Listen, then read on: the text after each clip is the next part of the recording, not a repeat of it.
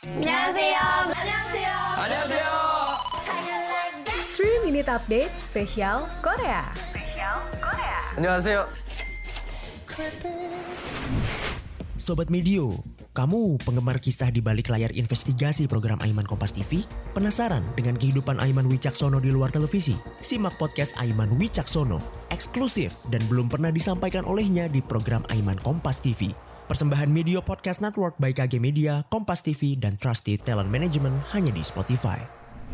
Sobat Medio, ada kabar dari Kompas.com. Masih di masa hiatusnya BTS, sang leader Kim Namjoon atau yang dikenal RM buat kedua kalinya nyumbangin donasi buat Korea Selatan. Gak main-main Sobat Medio. Dana yang disumbangin sama RM sebanyak 100 juta won. Kalau dirupiahin, itu setara dengan 1 miliar loh. Donasi tadi buat warisan budaya Korea yang langsung dikasih ke Yayasan Budaya Korea Luar Negeri. Budaya Korea memang banyak banget Sobat Medio, termasuk kerjasamanya dengan Los Angeles County Museum of Art. Kalau tahun lalu, dana yang disumbangi buat melestarikan pakaian tradisional Korea yang dipakai untuk acara seremonial dan juga buat pernikahan atau yang biasa disebut juga warot. Di tahun ini, bakal ngebuat katalog yang memperkenalkan lukisan Korea di Museum Nasional Modern dan Kontemporer Seni yang sering dikunjungi sama RM dan gak jarang juga RM ngeposting fotonya di Instagram kan Sobat Medio. What a wise leader!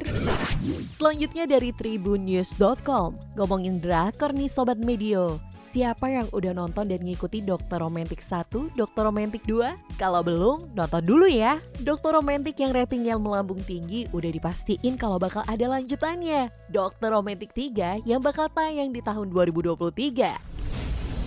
나 지금은 너 내 편인 거 같지? 참말 세상 그리고 사람은 능력이 쉽게